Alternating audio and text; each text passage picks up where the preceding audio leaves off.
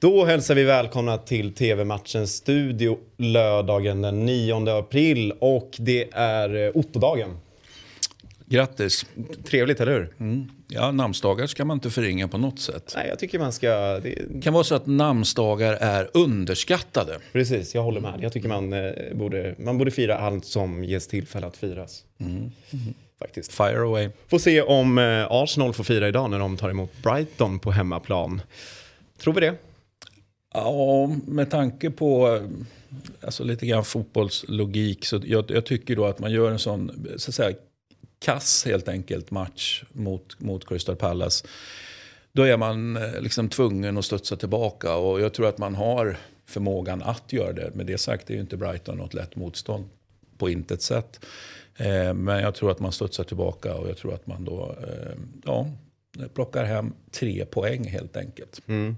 Brighton som, eh, det ska sägas att jag har inte råkoll på Premier League. Men eh, vad jag förstod det som i höstas så var ju de en överraskning och de gick väldigt bra. Den här våren gått lite tyngre. Ja, men ändå helt okej. Det beror ju på vad man tycker att man ska ha för så att säga, förväntningar på Brighton och för den delen på Graham Potter. Eh, Så att, ehm, ja, jag tycker ändå att det är liksom typ enligt plan. Tycker man att eh, Graham Potter är en av liksom en gudagåva helt enkelt. Ja, då kanske man skulle kunna tycka att han bara med sitt tränarskap skulle kunna knuffa dem lite, lite ytterligare. Då, va? Men, men jag tycker att man har alla anledning att, att vara nöjda. Han har ju suttit där eh, länge nu. Han är inne på sin fjärde säsong. Så att, eh, det är en fin tränargärning. Mm. Är det någon du hade velat se i eh, Arsenal? Eh, nej, nej, ja. Det beror på. Det är inte så att jag har gått och längtar eller går och längtar efter eh, Graham Potter. Jag hoppas vid gud att jag kommer absolut inte vilja ha Graham Potter. För det betyder att saker och ting har gått bra. Och att Arsenal kanske då sakta men säkert tar sig tillbaka till, till den topp man ju faktiskt tillhörde. Även om det börjar bli eh, x antal säsonger sedan.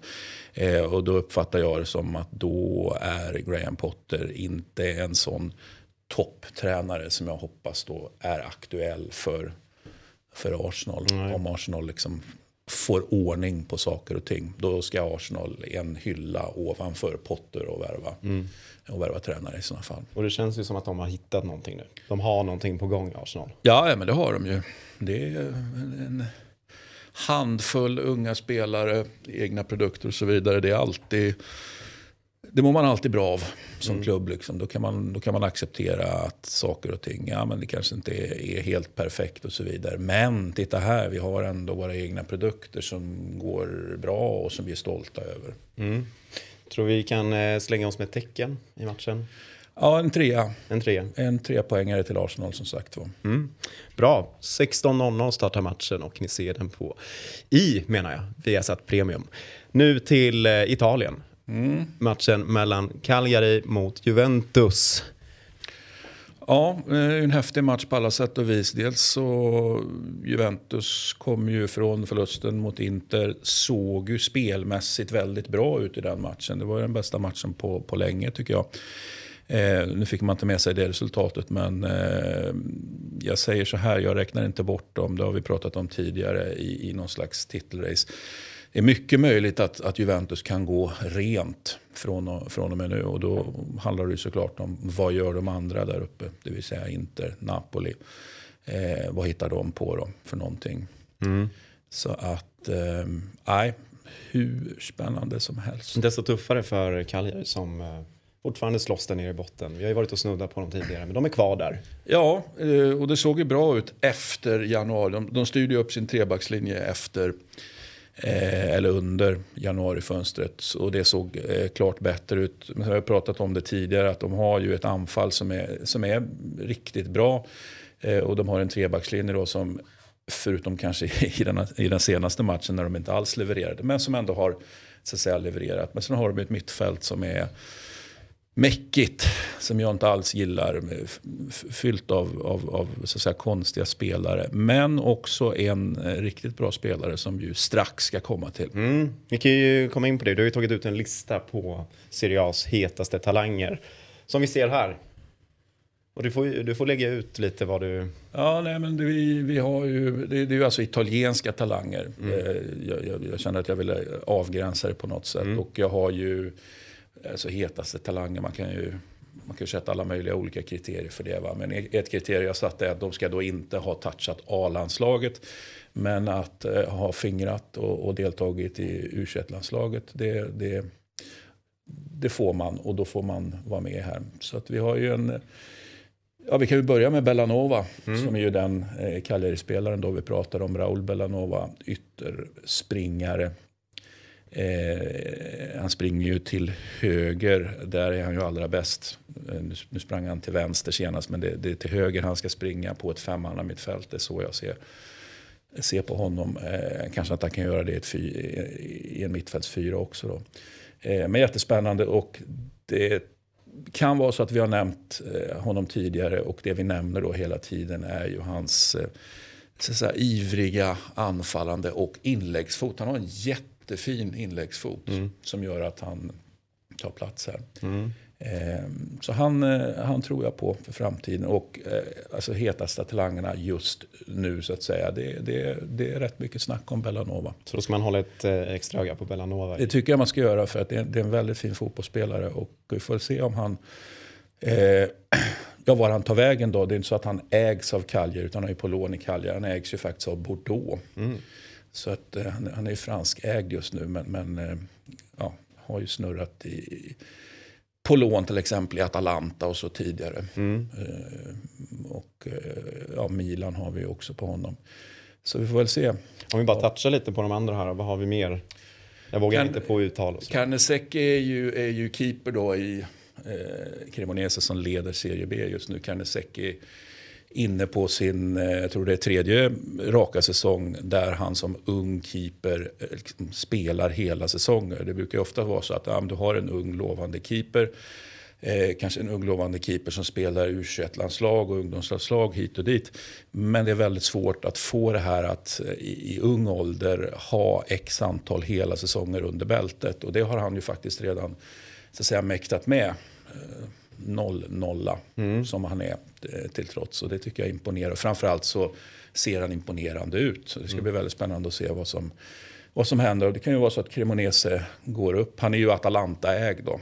Så, att, så det ligger ju någonstans i någon eventuell framtid att han på något sätt skulle kunna komma tillbaka till Atalanta. Men jag tror egentligen inte att han gör det. För nu har ju Atalanta lagt mycket pengar på Mosso och, eh, inför den här säsongen. Då, och Mosso har ju varit väldigt bra. Eh, och det skiljer alldeles för lite i ålder. Så att jag skulle gissa att Atalanta kommer att kunna eh, casha in på Carnesecchi mm. inom, ja, och att de gör det ganska snart. För han är, han är ju liksom alldeles för bra. Han har varit inne och varit tredje målvakt någon säsong i Atalanta. Men det är ju inte rekommenderat. Då sänker du ju utvecklingen. Va? Så att han är för bra för att vara ja, tredje keeper absolut, men han är också för bra för att vara andra keeper. Eh, sen har vi ju Luca Toni, lookaliken då. Eh, och, lite och det är alltså en centertank vi har att göra med Lorenzo Luca. Spelar i Pisa, måltorka just nu. Gick mm. jättefint under hösten men sen återigen, det är, det är inte så lätt. Man tänker så här, serie B, eh, ja, men det är väl bara att gå in och göra mål där. Nej, det är precis det det inte är. Va? Mm. Så att, att lyckas göra mål eh, på det sättet han gjorde var ju väldigt imponerande. Och det var snack om att det var eh, Luca Mania i Italien. Folk var som galna. Att han ah, kanske ska gå redan i januari. Men, men, men det gjorde han ju inte. Mm. Eh, Hellas Hur går det för Pisa i, eh, i Serie B? Pisa slåss ju för Alltså de ligger inte på direktuppflyttning nu, men de slåss ju, det är ju fem omgångar kvar nu, mm. de slåss ju, de är med och fightas om att mm. gå upp direkt, så är det. Mm. Sen har vi en egen eh, produkt där i, i Hellas som har varit är tillbaka i fadershuset nu kan vi säga och eh, har ju varit utlånad och inte riktigt gjort hela säsonger bara för att göra den jämförelse med Carnesecchi då som har som har varit utlånad och gjort hela säsongen. Men, men Casale var Empoli i fjol då, till exempel på honom. Eh, mittback ser jättefin ut. Är ju lite äldre då, 98. Mm. De andra är ju, är ju millennials då. Mm. Men han eh, tror jag på. Och sen har vi ju då en av de stora så säga, som har slagit igenom. Eh, Enda 02 Mattia. Viti, enda 02 Det var väl inte tanken egentligen att han skulle spela så mycket men av olika anledningar så fick han göra det när de andra inte riktigt levererade och man hade skador i mittlåset i Empoli. Eh, så gick han då som den 02 han är in och spelar väldigt, väldigt bra. Så det är mycket snack om Viti och vad han ska ta vägen. Eh, Juventus till exempel, namn som nämns. Eller en klubb som nämns. Spännande. Kul, eh, kul att höra. Vet du vad, jag, jag studsar på två grejer. Det är att, eh, att man är född 2000. Man är gammal nu. Man är ju 22 år. Ja, eh, men det är ju lite läskigt. grann den här eviga så här kritiken i, alltså, mot italiensk fotboll är att de unga spelarna, ja, jämfört med andra ligor, ja, men då är en ung spelare en 17-åring som får chansen, eller en 18-åring eller någonting. Men, men det, är liksom, det är så här Italien ser ut. Mm. Att du är 22 då som du säger i det här fallet, eller, eller 21 kan man väl också då.